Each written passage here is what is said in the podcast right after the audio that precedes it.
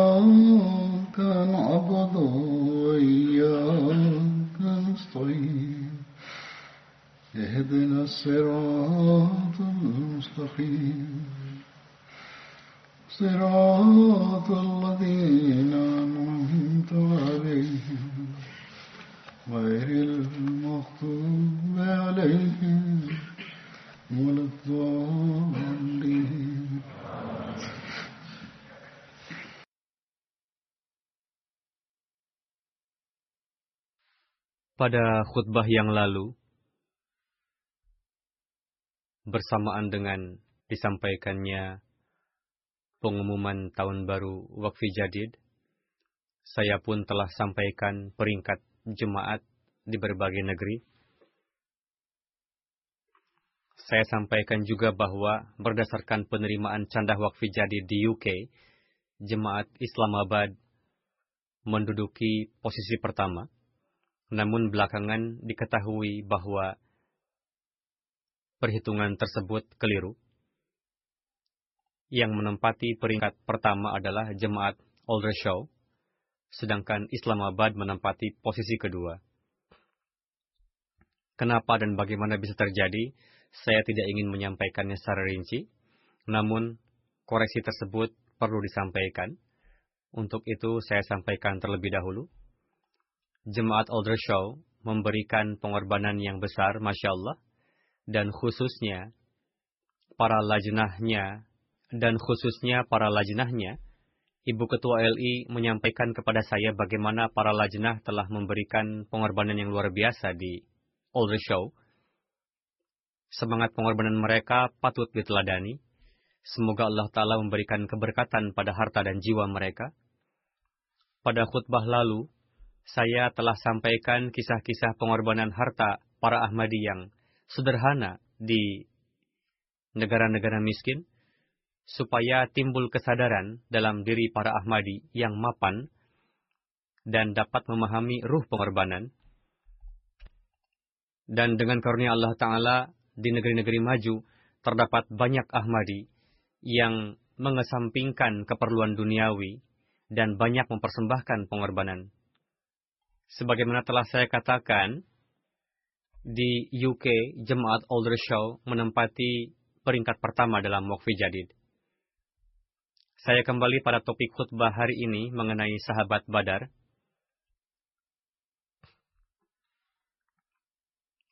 Pada khutbah terdahulu, saya telah menyampaikan berkenaan dengan Hadrat Sa'ad bin Ubadah namun masih ada yang tersisa dan pada hari ini akan saya lanjutkan.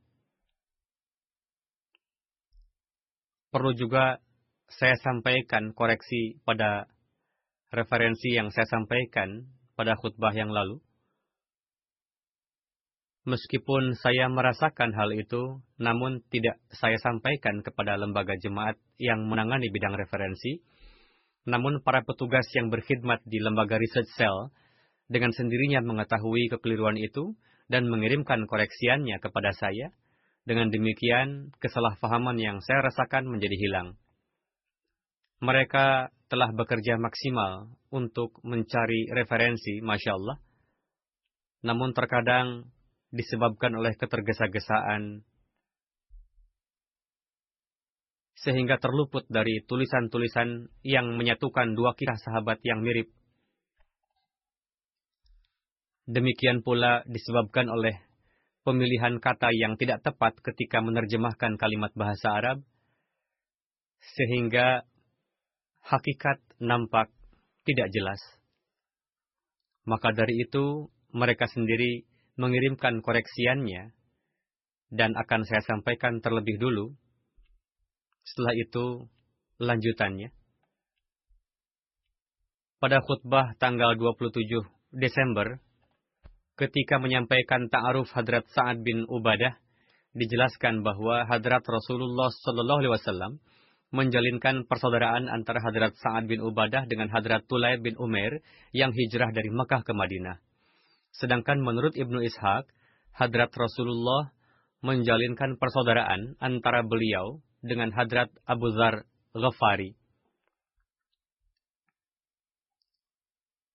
Namun, sebagian sejarawan menentang juga pendapat tersebut dan Wakidi pun membantahnya karena Rasulullah menjalinkan persaudaraan di antara para sahabat sebelum Perang Badar.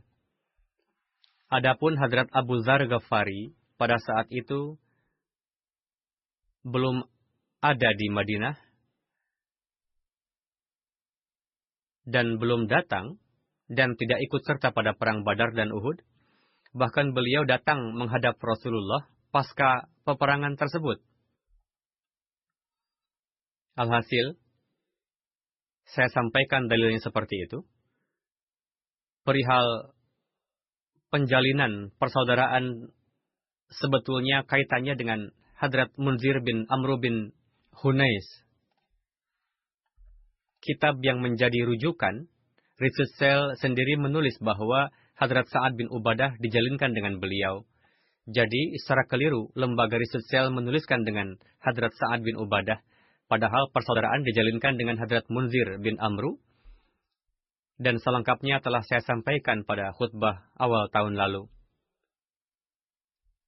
Pada 25 Januari. Seperti itu koreksiannya. Sekarang akan saya sampaikan selanjutnya. Ketika terjadi peristiwa perang Khandak, Rasulullah Shallallahu Alaihi Wasallam berpikir untuk memberikan sepertiga kurma Madinah kepada Uyainah bin Hisan dan syarat menarik kembali kabilah Ghatfan. Dengan mengesampingkan yang lainnya, Rasulullah meminta pendapat hanya dari Hadrat Sa'ad bin Muaz dan Hadrat Sa'ad bin Ubadah. Lalu keduanya berkata, Wahai Rasulullah, jika memang Tuhan mendapatkan perintah dari Allah Ta'ala untuk melakukan demikian, silahkan lakukan. Namun jika tidak ada perintah, demi Tuhan, kami tidak akan memberikannya, kecuali pedang. yakni kami akan mengambil hak kami mereka akan mendapat apa pun hukumannya disebabkan oleh kemunafikan atau pelanggaran terhadap janji. Rasulullah bersabda, Aku tidak diperintahkan untuk itu. Ini semata-mata adalah pendapat pribadiku yang kusampaikan pada kalian. Keduanya berkata, Wahai Rasul, Sallallahu Alaihi Wasallam, pada zaman jahiliyah, mereka tidak menuntut itu dari kami Padahal Allah Ta'ala telah memberikan petunjuk kepada kami dengan perantaraan Tuhan. Yakni prinsip yang berlaku pada saat itu, itu jugalah yang akan berlaku sekarang. Rasulullah bahagia mendengar jawaban keduanya. Selengkapnya dijelaskan oleh Hadrat Mirza Bashir Ahmad dalam menjelaskan kondisi perang Khandak sebagai berikut bahwa hari-hari itu sangat merupakan hari yang penuh penderitaan, menyedihkan, dan penuh resiko bahaya bagi umat muslim. Semakin lama pengepungan ini berlangsung, tentunya kekuatan perlawanan pihak muslim semakin lemah juga. Meskipun hati mereka dipenuhi dengan keimanan dan ketulusan, namun kondisi tubuh mengikuti hukum alam terus semakin melemah. Yakni, tubuh memerlukan istirahat, asupan makanan. Namun karena pengepungan berlangsung lama, sehingga kebutuhan istirahat dan asupan makanan tidak terpenuhi dengan baik. Karena itu merasa lemah.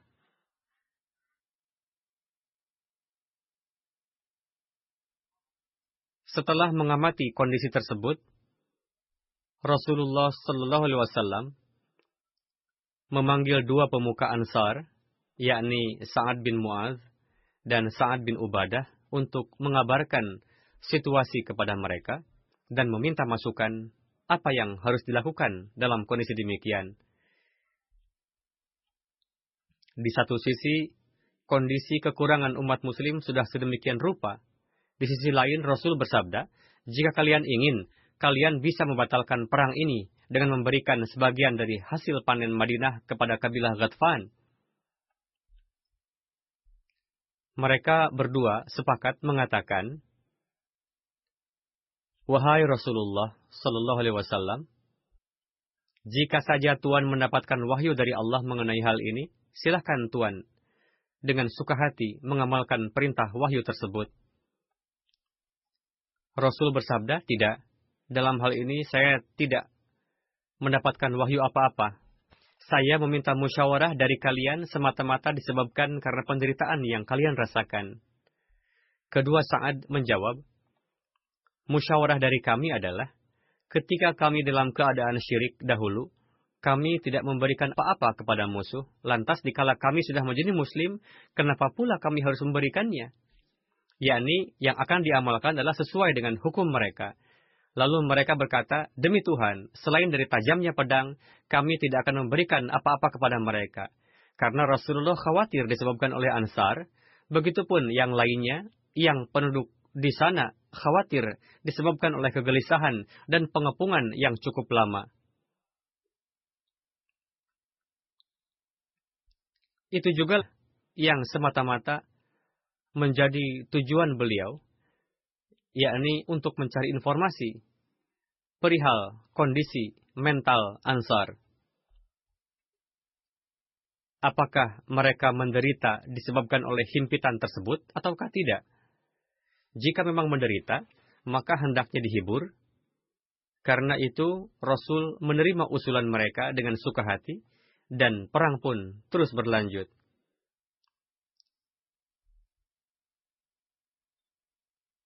Berkenaan dengan kondisi perang Khandak, dalam buku Sirat Khatamun Nabiyyin, Hadrat Mirza Bashir Ahmad menulis,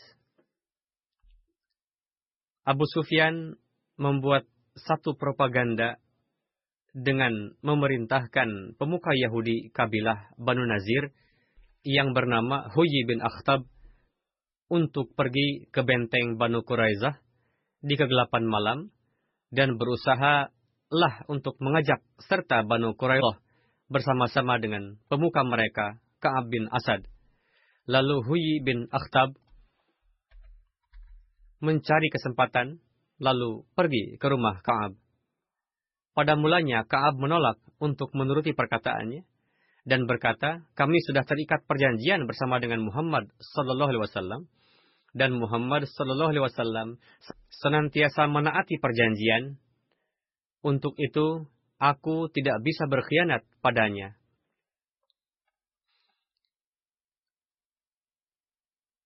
Namun Huyi berusaha keras untuk meyakinkannya akan kehancuran Islam yang sudah dekat dan bertekad untuk tidak kembali ke Madinah sebelum dapat menghancurkan Islam.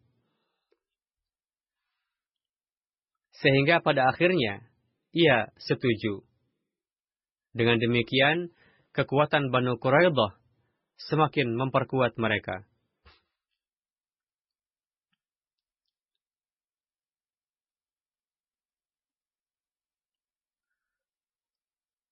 Adapun kekuatan duniawi sejak sebelumnya pun sudah mereka miliki.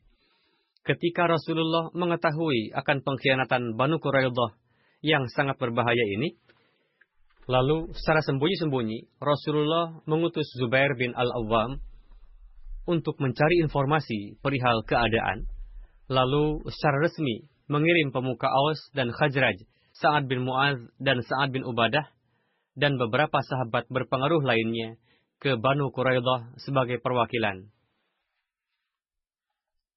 Rasulullah menekankan kepada mereka, jika ada kabar yang menyedihkan, maka ketika kembali nanti, janganlah mengabarkannya secara terbuka, melainkan sampaikanlah secara diam-diam, supaya tidak menimbulkan kepanikan.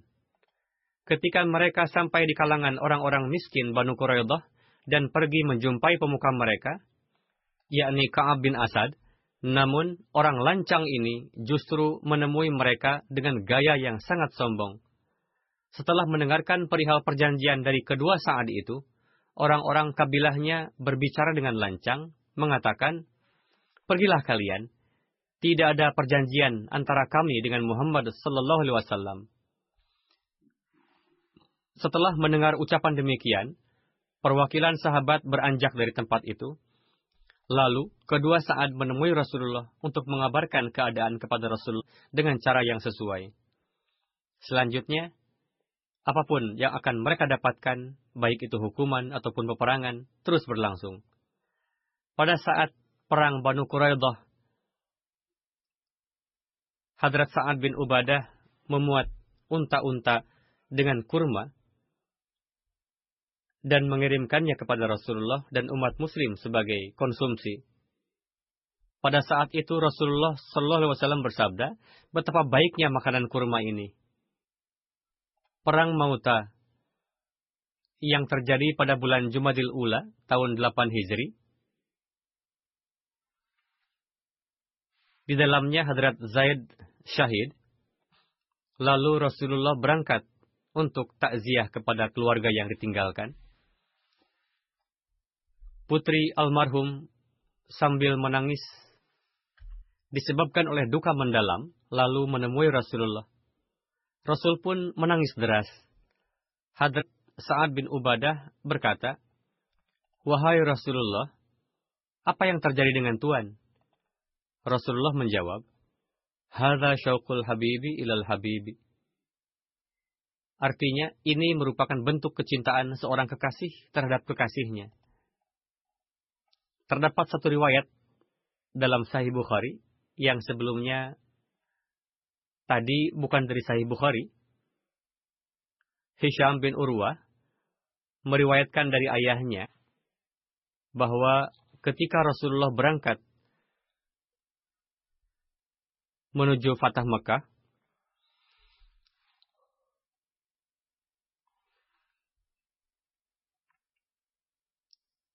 penduduk Quraisy mendapatkan kabar, lalu Abu Sufyan bin Harab, Hakim bin Hizam, dan Budail bin Warqah berangkat sebagai bentuk kecintaan kepada Rasulullah hingga sampai di daerah Marazahran.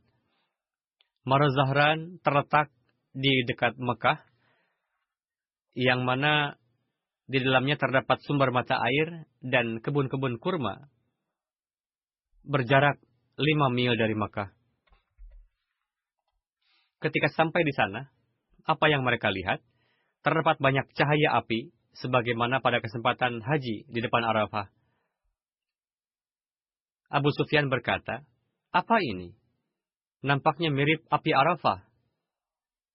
Boel bin Warakah berkata, seperti api Banu Amru, yakni kabilah Khaza'ah, lebih kurang jumlahnya dari kabilah Amru. Tidak lama kemudian, di antara pengawal Rasul, ada yang melihat, lalu menangkap ketiganya dan dibawa ke hadapan Rasulullah. Abu Sufyan telah bayat masuk Islam. Ketika Rasulullah berangkat ke Mekah, Rasul bersabda kepada Hazrat Abbas, tahan Abu Sufyan di lembah gunung agar melihat pasukan muslim Lalu Hadrat Abbas menahan Abu Sufyan.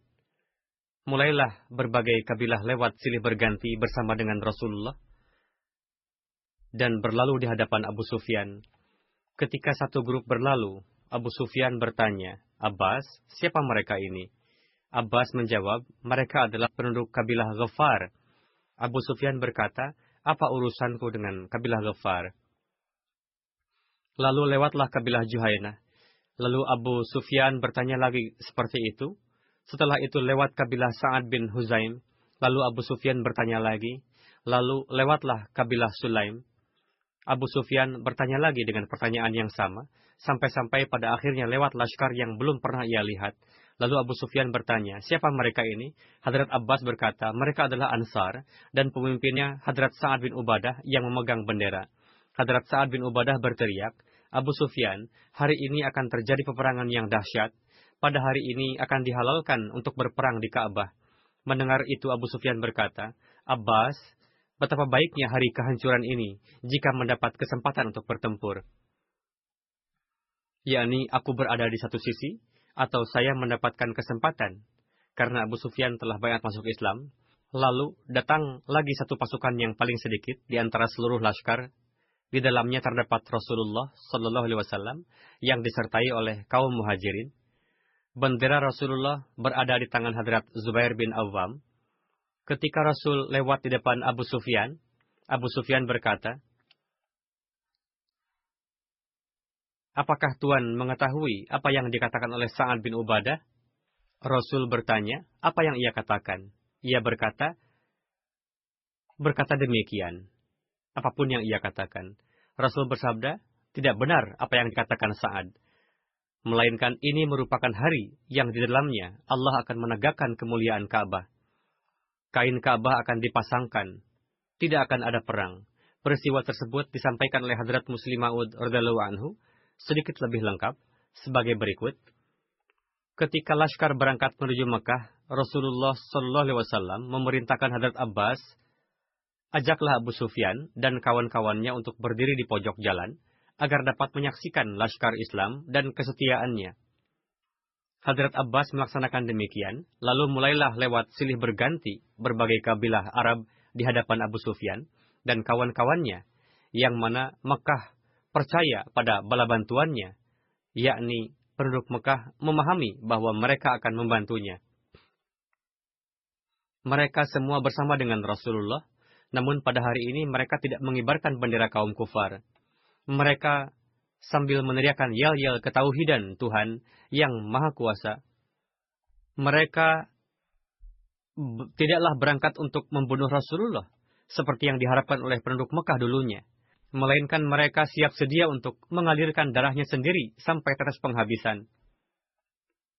Mereka memiliki keinginan yang dalam untuk menegakkan tauhid ilahi dan menyebarkan agamanya. Lalu laskar satu persatu berlalu. Tidak lama kemudian lewatlah laskar kabilah Asya. Rasa cinta pada Islam rela berkorban untuk Islam dan semangat berkorban tampak dari wajah mereka dan zahir dari yel-yel mereka. Abu Sufyan berkata, Abbas, siapa mereka ini? Abbas berkata, mereka adalah kabilah Asja. Abu Sufyan melihat wajah Abbas dengan penuh keheranan dan berkata, dahulu tidak ada musuh yang lebih besar di Arab lebih dari Rasulullah. Abbas berkata, adalah karunia Tuhan, yakni ketika dia menghendaki kecintaan kepada Islam masuk ke dalam hatinya. Yang terakhir lewatlah Laskar Rasulullah, Muhajirin dan Ansar. Mereka berjumlah 2000 orang, dan dari kaki sampai kepala tertutup oleh baju besi. Hadrat Umar terus memperbaiki barisan mereka dan bersabda, Aturlah ketika melangkah, supaya jarak antar barisan tetap terjaga dengan baik. Semangat para pejuang Islam Semangat jiwa mereka nampak dari wajah mereka. Ketika melihat pemandangan itu, hati Abu Sufyan sangat luluh. Lalu bertanya, siapa garangan orang-orang ini? Abbas menjawab, Laskar Rasulullah, Ansar, dan Muhajirin tengah berangkat. Abu Sufyan berkata, Laskar dunia mana yang mampu menghadapi laskar ini? Ia berkata kepada Hadrat Abbas, Keponakanmu sekarang telah menjadi Raja Agung di dunia. Abbas berkata, Mata hatimu masih belum terbuka. Ini bukanlah kerajaan, melainkan kenabian.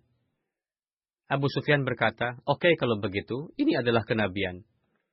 ketika laskar tersebut lewat di hadapan Abu Sufyan, lalu setelah melihat Abu Sufyan, komandan Ansar Sa'ad bin Ubadah berkata, pada hari ini Allah Ta'ala telah menghalalkan kami untuk masuk ke Mekah dengan serangan pedang. Pada hari ini kaum Quraisy akan dihinakan. Ketika Rasulullah lewat di dekat Abu Sufyan, ia berkata dengan suara keras, Wahai Rasulullah, apakah Tuhan telah mengizinkan untuk membunuh kaum Tuhan sendiri?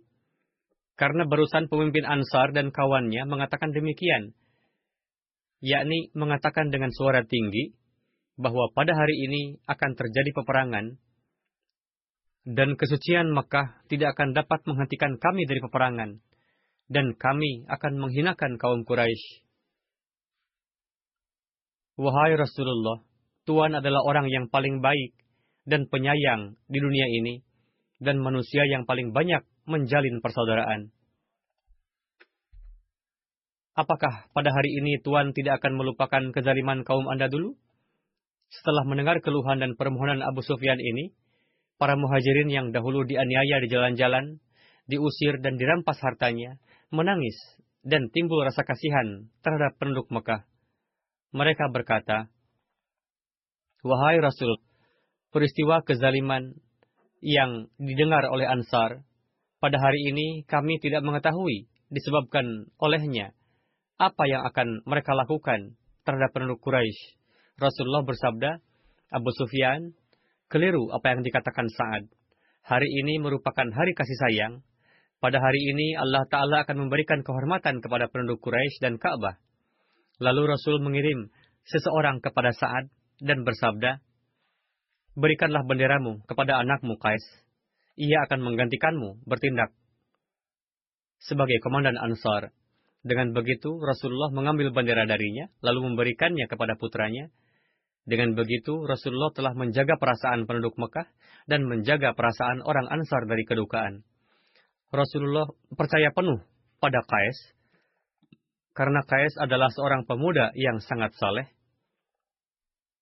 Sedemikian salehnya, sehingga Hadrat Muslim Ma'ud bersabda, Kesalennya tertulis dalam sejarah bahwa ketika menjelang kewafatan beliau, dan orang-orang datang untuk melayat beliau, dan sebagian orang ada yang tidak datang, lalu Kais bertanya kepada kawan-kawannya, kenapa sebagian kawan yang mengenal saya tidak datang untuk menjengukku?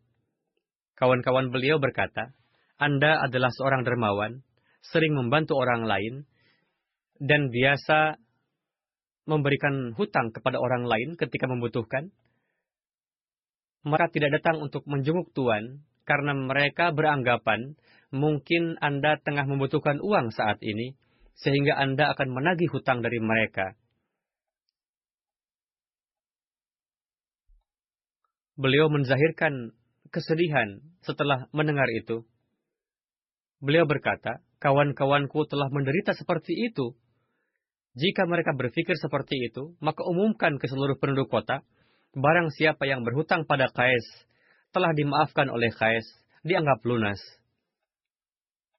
Setelah itu, begitu banyaknya orang yang datang untuk menjenguk Kais, sehingga tangga rumah beliau roboh dibuatnya. Perang Hunain yang memiliki nama lain Ghazwa Hawazun. Hunain merupakan lembah yang terletak di antara Mekah dan Taif. Berjarak 30 mil dari Mekah Perang Hunain terjadi pasca Fatah Mekah pada bulan Syawal 8 Hijri. Harta ghanimah yang diperoleh dari peperangan tersebut dibagikan kepada kalangan muhajirin oleh Rasulullah. Adapun kalangan Ansar memendam suatu perasaan akan hal ini. Berkenaan dengan itu, kita temukan selengkapnya dalam Musnad Ahmad bin Hambal sebagai berikut. Diriwayatkan oleh Abu Sa'id Khudri, ketika Rasulullah Wasallam membagikan harta ghanimah di kalangan Quraisy dan kabilah-kabilah Arab lainnya,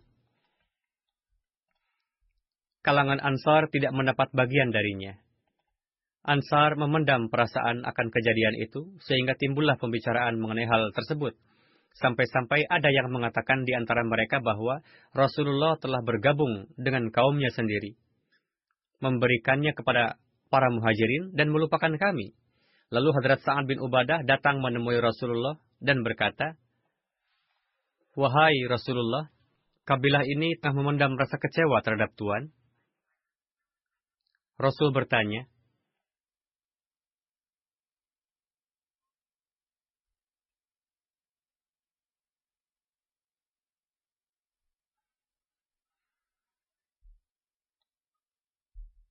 Rasul bertanya, Wahai Sa'ad, dalam hal ini kamu berpihak ke mana? Sampaikanlah pendapatmu. Beliau menjawab, Wahai Rasul, saya hanyalah salah seorang dari antara kaum tidak memiliki kelebihan apa-apa. Rasul bersabda, Kumpulkanlah kaummu di area ini. Lalu Hadrat Sa'ad pergi dan mengumpulkan kaum Ansar di suatu area. Di antaranya ada juga beberapa muhajirin Hadrat Sa'ad membiarkannya masuk. Namun ada beberapa orang yang dilarang masuk oleh Hadrat Sa'ad. Ketika semua sudah berkumpul, Hadrat Sa'ad datang menghadap Rasulullah dan melaporkan bahwa Ansar sudah berkumpul. Perawi mengatakan, Rasulullah hadir di tengah-tengah mereka. Setelah menyampaikan puji sanjung kepada Allah Ta'ala, Rasul bersabda, Wahai Ansar, apa yang sampai ke telinga saya dari kalian, bahwa kalian memendam rasa kecewa karena tidak mendapatkan bagian harta ganimah? Apakah ketika aku datang di tengah kalian, dan kalian dalam keadaan tersesat, lalu Allah memberikan petunjuk kepada kalian? Kalian dahulu merasakan kesempitan harta, lalu Allah Ta'ala memberikan kelapangan kepada kalian. Bukankah kalian dahulu saling bermusuhan, lalu Allah Ta'ala menyemaikan rasa kasih sayang antara satu sama lain? Mereka menjawab, tentu, Allah dan Rasulnya telah memberikan ihsan yang banyak dan afdol. Rasul bersabda, Wahai Ansar, kenapa kalian tidak menjawab pertanyaanku? Mereka menjawab, Wahai Rasul, apa yang harus kami jawab? Karena ihsan dan karunia adalah bagi Allah dan Rasulnya. Rasul bersabda, Demi Tuhan, jika kalian menghendaki, kalian dapat mengatakan itu. Dan itu akan tergenapi dan menjadi pembenaran dari kalian bahwa Tuhan datang di tengah-tengah kami ketika Tuhan didustakan, lalu kami membenarkan Tuhan. Padahal keluarga Tuhan sendiri meninggalkan Tuhan, lalu kami membantu Tuhan. Anda datang kepada kami ketika orang-orang mengusir Tuhan, lalu kami memberi perlindungan kepada Anda. Kami mendapati Tuhan memiliki umat yang besar, lalu kami membuat perjanjian dengan Anda.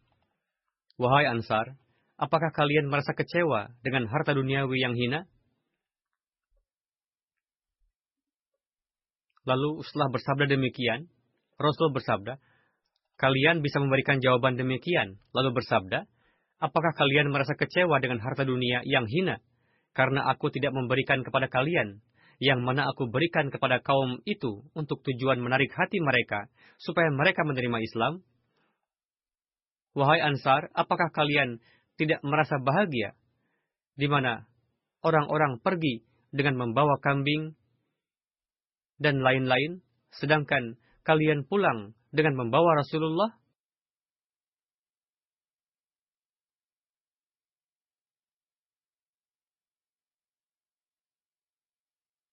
Lalu Rasul bersabda, demi zat yang di tangan kudratnya terdapat jiwa Muhammad Sallallahu Alaihi Wasallam, jika tidak ada hijrah, maka aku akan menjadi salah seorang di antara Ansar, dan jika orang-orang berjalan di atas lembah dan Ansar berjalan di lembah yang lainnya, maka aku akan memilih untuk berjalan pada lembah di mana Ansar berada. Ya Tuhan, curahkanlah rahmat Engkau atas Ansar dan atas anak Ansar dan atas anak dari anak Ansar Mendengar sabda tersebut, mereka semua menangis, yakni Ansar yang ada di sana, sampai-sampai janggut mereka basah dengan air mata. Mereka berkata, Wahai Rasulullah, kami ridho atas pembagian harta yang dilakukan oleh Rasulullah, yakni apa pun yang beliau bagikan, mereka ridho dan Tuhan adalah cukup bagi kami. Lalu Rasulullah kembali pulang, dan orang-orang pun bubar. Setelah menempuh perjalanan dari Madinah untuk Hujatul Wida, ketika Rasulullah sampai di area haji, di sana kendaraan beliau hilang. Kendaraan Hadrat Rasulullah dan Hadrat Abu Bakar adalah sama, tengah berada pada hamba sahaya. Hadrat Abu Bakar ketika unta itu hilang pada waktu malam, Hadrat Safwan bin Mu'attal yang paling belakang di antara kafilah, beliau membawa unta itu bersamanya, dan semua perbekalan masih ada di atas unta yang hilang itu. Ketika Hadrat Sa'ad bin Ubadah mendengar kabar tersebut, beliau datang bersama dengan putranya Kais. Mereka berdua bersama dengan seekor unta yang dimuati oleh perbekalan, yakni dimuati oleh perbekalan safar. Mereka berdua hadir di hadapan Rasulullah.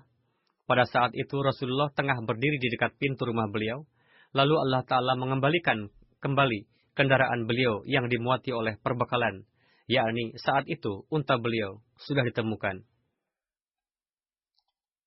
Danglah Hadrat Sa'ad dan berkata, Wahai Rasul, kami mendengar kabar bahwa kendaraan Anda yang dimuati perbekalan hilang Mohon Tuhan menerima kendaraan kami sebagai gantinya.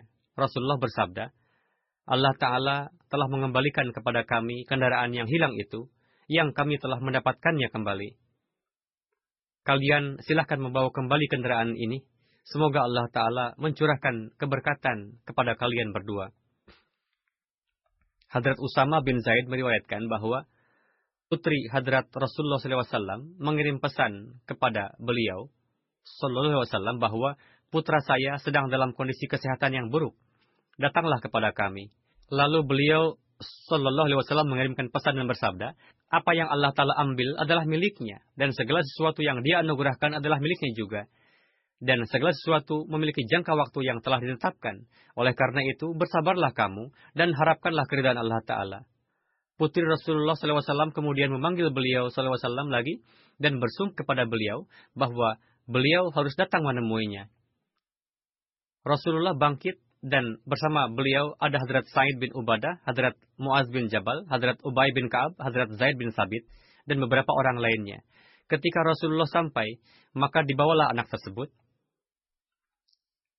Anak tersebut saat itu tengah bernafas dengan berat dan mengeluarkan suara nafas yang tersengal-sengal. Usama mengatakan bahwa suara nafas anak tersebut seperti kantung air tua yang terbuat dari kulit yang dibenturkan. Melihat kondisi anak tersebut, Rasulullah meneteskan air mata. Hadrat Sa'ad berkata, Mengapa wahai Rasulullah? Rasul menjawab, ini adalah kasih sayang yang Allah Ta'ala telah tanamkan di dalam hati para hambanya. Dan Allah Ta'ala pun mengasihi para hambanya yang bersikap kasih sayang kepada orang lain. Ini adalah luapan perasaan, tidak ada yang salah dengan hal ini. Ini semata-mata karunia Allah Ta'ala. Hadrat Abdullah bin Umar radhiyallahu anhuma meriwayatkan bahwa Hadrat Sa'ad bin Ubadah sedang sakit, maka Rasulullah SAW mengajak Hadrat Abdurrahman bin Auf, Hadrat Sa'ad bin Abi Waqas, dan Hadrat Abdullah bin Mas'ud untuk menjenguk beliau.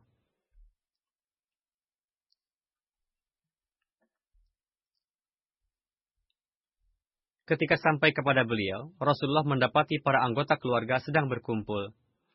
Beliau bertanya, apakah beliau sudah meninggal?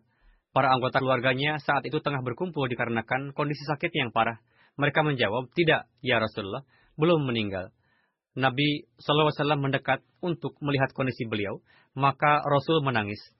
Melihat hadrat Rasulullah menangis, orang-orang pun ikut menangis. Kemudian Rasul bersabda, Lihatlah, Allah Ta'ala tidak menurunkan azab disebabkan air mata yang mengalir, dan tidak juga dikarenakan kesedihan hati. Melainkan dia memberikan hukuman atau kasih sayang dikarenakan ini. Dan beliau Sallallahu Alaihi Wasallam mengatakan ini sambil menunjuk lidah beliau, kemudian bersabda, Orang yang meninggal juga mendapatkan azab dikarenakan ratapan yang berlebihan kerabat-kerabatnya atas dirinya meratapi secara berlebihan adalah sesuatu yang keliru. Bisa jadi, waktu itu Hadrat Rasulullah menangis karena melihat kondisi Hadrat Sa'ad bin Ubadah, atau karena kondisi yang timbul dikarenakan beliau sedang berdoa. Namun, sebagian orang menyangka bahwa Hadrat Sa'ad bin Ubadah sudah wafat, oleh karena itulah mereka menangis.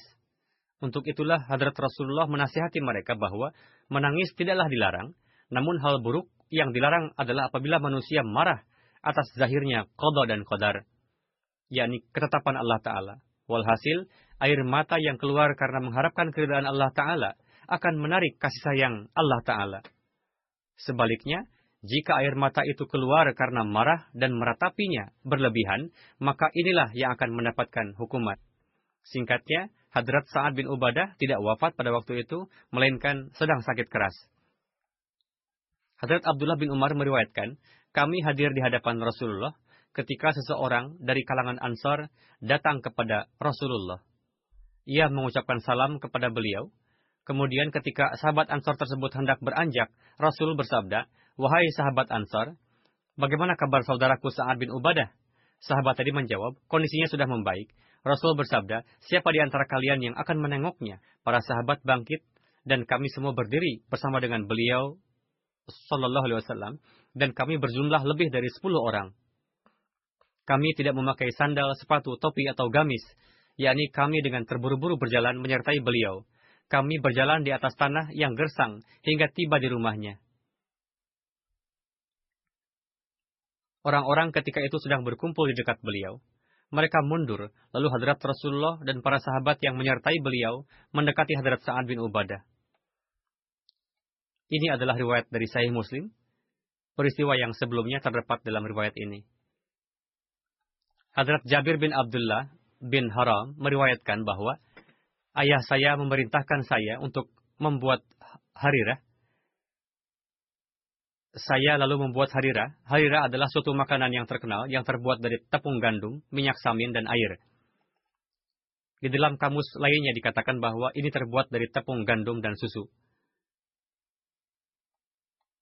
Hadrat Jabir mengatakan, atas perintah beliau, saya membawa harirah tersebut ke hadapan Rasulullah.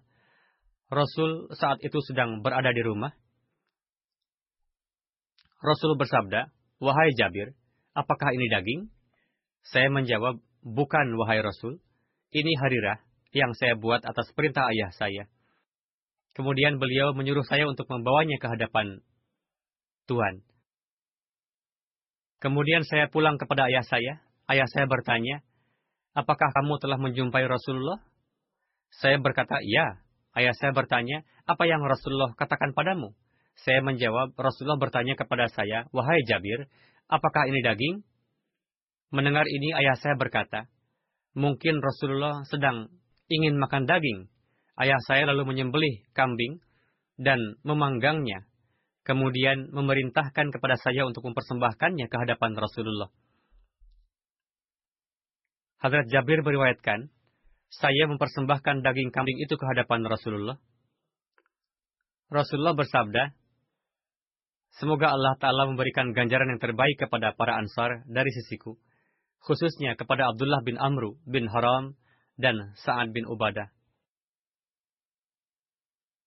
Diriwayatkan dari Hadrat Abu Usaid bahwa Rasulullah bersabda, di antara keluarga-keluarga Ansar yang terbaik adalah Banu Najjar, kemudian Banu Abdu Ash'al, kemudian Banu Harith bin Khajraj, kemudian Banu Sa'idah, dan dalam semua keluarga-keluarga Ansar terdapat kebaikan. Mendengar ini, Hadrat Sa'ad bin Ubadah yang memiliki kedudukan yang tinggi dalam Islam berkata, ini adalah hadis dari Sahih Bukhari yang mengatakan bahwa beliau memiliki kedudukan yang tinggi. Saya beranggapan bahwa Rasulullah telah menyatakan mereka lebih baik dari kami. Atas hal ini dikatakan kepada beliau bahwa Hadrat Rasulullah juga telah memberikan banyak keutamaan kepada Anda atas barang atas banyak orang. Hadrat Abu Usaid Ansari memberikan kesaksian bahwa Rasulullah bersabda, rumah terbaik kaum Ansar adalah Banu Najjar, kemudian Banu Abdu Ash'al, kemudian Banu Haris bin Khajraj, dan kemudian Banu Sa'idah. Dan di semua rumah kaum Ansar terdapat kebaikan. Perawi Abu Salma meriwayatkan bahwa Hadrat Abu Usaid berkata, saya disangsikan karena meriwayatkan perkataan ini dari Rasulullah. Jika saya berbohong, maka saya tentunya akan menyebut kaum saya sendiri sebagai yang pertama, yakni Banu Sa'idah.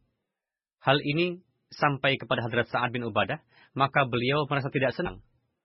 Dalam riwayat yang pertama pun, di dalamnya, terdapat ungkapan dari beliau yang mengatakan bahwa kita telah disebutkan paling belakang, sampai-sampai dari empat yang disebutkan, kitalah yang terakhir. Sa'ad bin Ubadah berkata, ikatkanlah pelana di keledaiku, aku akan pergi ke hadapan Rasulullah. Sepupu beliau Sahal berkata kepada beliau, apakah Anda akan pergi untuk membantah urutan yang telah disampaikan oleh hadrat Rasulullah?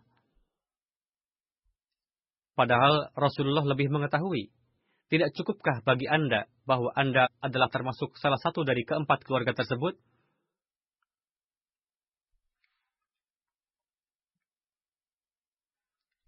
Beliau lalu mengurungkan niatnya dan berkata, Allah dan Rasulnya lebih mengetahui. Kemudian beliau memerintahkan untuk membuka pelana keledai beliau, lalu dibukalah pelana itu. Ini juga adalah riwayat, riwayat sahih Muslim. Hisham bin Urwah meriwayatkan dari ayah beliau bahwa Hadrat Sa'ad bin Ubadah berdoa sebagai berikut. Ya Allah, jadikanlah aku layak untuk dipuji. Dan jadikanlah aku orang yang terhormat dan mulia. Kehormatan dan kemuliaan tidak bisa diraih tanpa amal-amalan yang baik. Jika tidak ada amal baik, maka kehormatan tidak akan bisa diraih. Demikian pula kemuliaan. Dan amalan yang baik tidak bisa dilakukan tanpa harta. Ya Allah, kondisi berkekurangan tidaklah layak untukku, dan tidak sepatutnya aku hidup dalam kondisi demikian. Ini adalah salah satu cara beliau berdoa. Ada satu riwayat dalam Sahih Muslim yang diriwayatkan oleh Hadrat Abu Hurairah. Beliau meriwayatkan, Hadrat Sa'ad bin Ubadah berkata, Ya Rasulullah, jika saya mendapati istri saya bersama dengan orang lain dalam situasi yang salah, apakah saya tidak boleh memukulnya hingga saya membawa empat orang saksi? Rasulullah bersabda, ya. Hadrat Sa'ad bin Ubadah berkata, atas hal itu, tidak, saya bersumpah demi zat yang telah mengutus engkau dengan kebenaran. Jika itu adalah saya, maka sebelum itu pun saya akan mengambil keputusan atasnya dengan pedang. Saya tidak akan mencari saksi, melainkan akan membunuhnya. Rasulullah bersabda kepada orang-orang, Dengarlah, apa yang dikatakan pemimpin kalian. Ia sangat pencemburu, tapi aku lebih pencemburu dari dirinya, dan Allah Ta'ala lebih pencemburu dariku. Kemudian mengenai hal ini ada satu riwayat lain dari Muslim bahwa Hadrat Mughir bin Syu'bah meriwayatkan Beliau mengatakan bahwa Hadrat Sa'ad bin Ubadah berkata, jika aku melihat seseorang tengah bersama dengan istriku, maka aku akan membunuhnya dengan sisi bagian pedang yang tajam, bukan yang tumpul. Hal ini sampai kepada Hadrat Rasulullah, maka beliau bersabda, Apakah kalian takjub dengan sikap pencemburu Sa'ad? Demi Allah, aku lebih pencemburu darinya, dan Allah Ta'ala lebih pencemburu dariku. Dan Allah Ta'ala dikarenakan rasa cemburunya telah melarang ketidaksenonohan, baik yang nampak maupun yang tersembunyi. Tidak ada yang lebih pencemburu daripada Allah Ta'ala. Dan tidak ada yang lebih menyukai permohonan maaf, ampunan, dan taubat lebih daripada Allah Ta'ala. Tidak ada manusia yang bisa melebihi Allah Ta'ala dalam hal ini. Rasul bersabda, untuk itulah Allah Ta'ala telah mengutus para Rasul untuk memberikan kabar suka dan peringatan para rasul memberikan kabar suka di satu sisi, dan di sisi lain memberikan peringatan. Dan tidak ada yang lebih menyukai pujian dibandingkan Allah Ta'ala. Dikarenakan hal itu, kemudian Allah Ta'ala juga telah menjanjikan surga, yakni Allah Ta'ala juga memberikan hukuman, namun dia tidak tergesa-gesa dalam memberikan hukuman. Manusia mengatakan, aku telah terbakar cemburu, lalu ia bertindak tergesa-gesa. Dia memberikan ampunan kepada orang yang bertaubat. Dan tidak hanya memberikan ampunan, bahkan juga memberikan ganjaran. Rasulullah bersabda, janganlah melanggar aturan-aturan Allah Ta'ala, tetaplah berada di dalamnya. Ada sebuah riwayat hadis dari Musnad Ahmad bin Hambal, bahwasanya Hadrat Sa'ad bin Ubadah meriwayatkan bahwa Rasulullah SAW bersabda kepada beliau, awasilah sedekah-sedekah kabilah fulan, namun perhatikanlah, pada hari kiamat janganlah kamu membawa unta muda di pundakmu dan kamu akan berteriak. Beliau berkata, Ya Rasulullah, berikanlah tanggung jawab ini kepada orang lain. Rasul tidak memberikan tanggung jawab ini kepada beliau. Maksudnya, jika seseorang menjadi pengawas, hendaknya ia melaksanakan tugas pengawasan tersebut, bertindak adil dan tidak melakukan suatu pengkhianatan.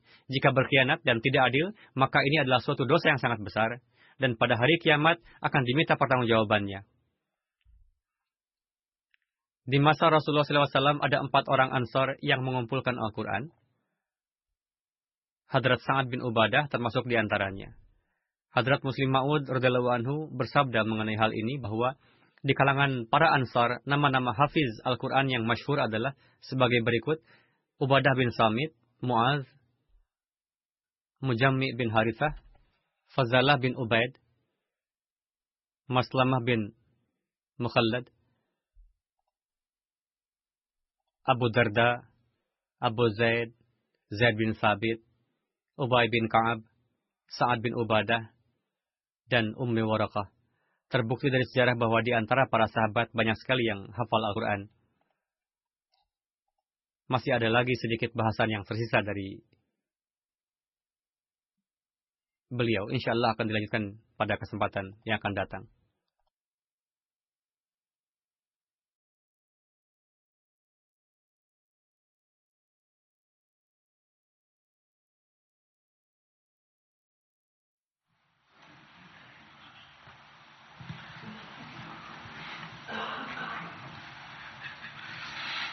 الحمد لله الحمد لله نحمده ونستعينه ونستغفره ونؤمن به ونتوكل عليه.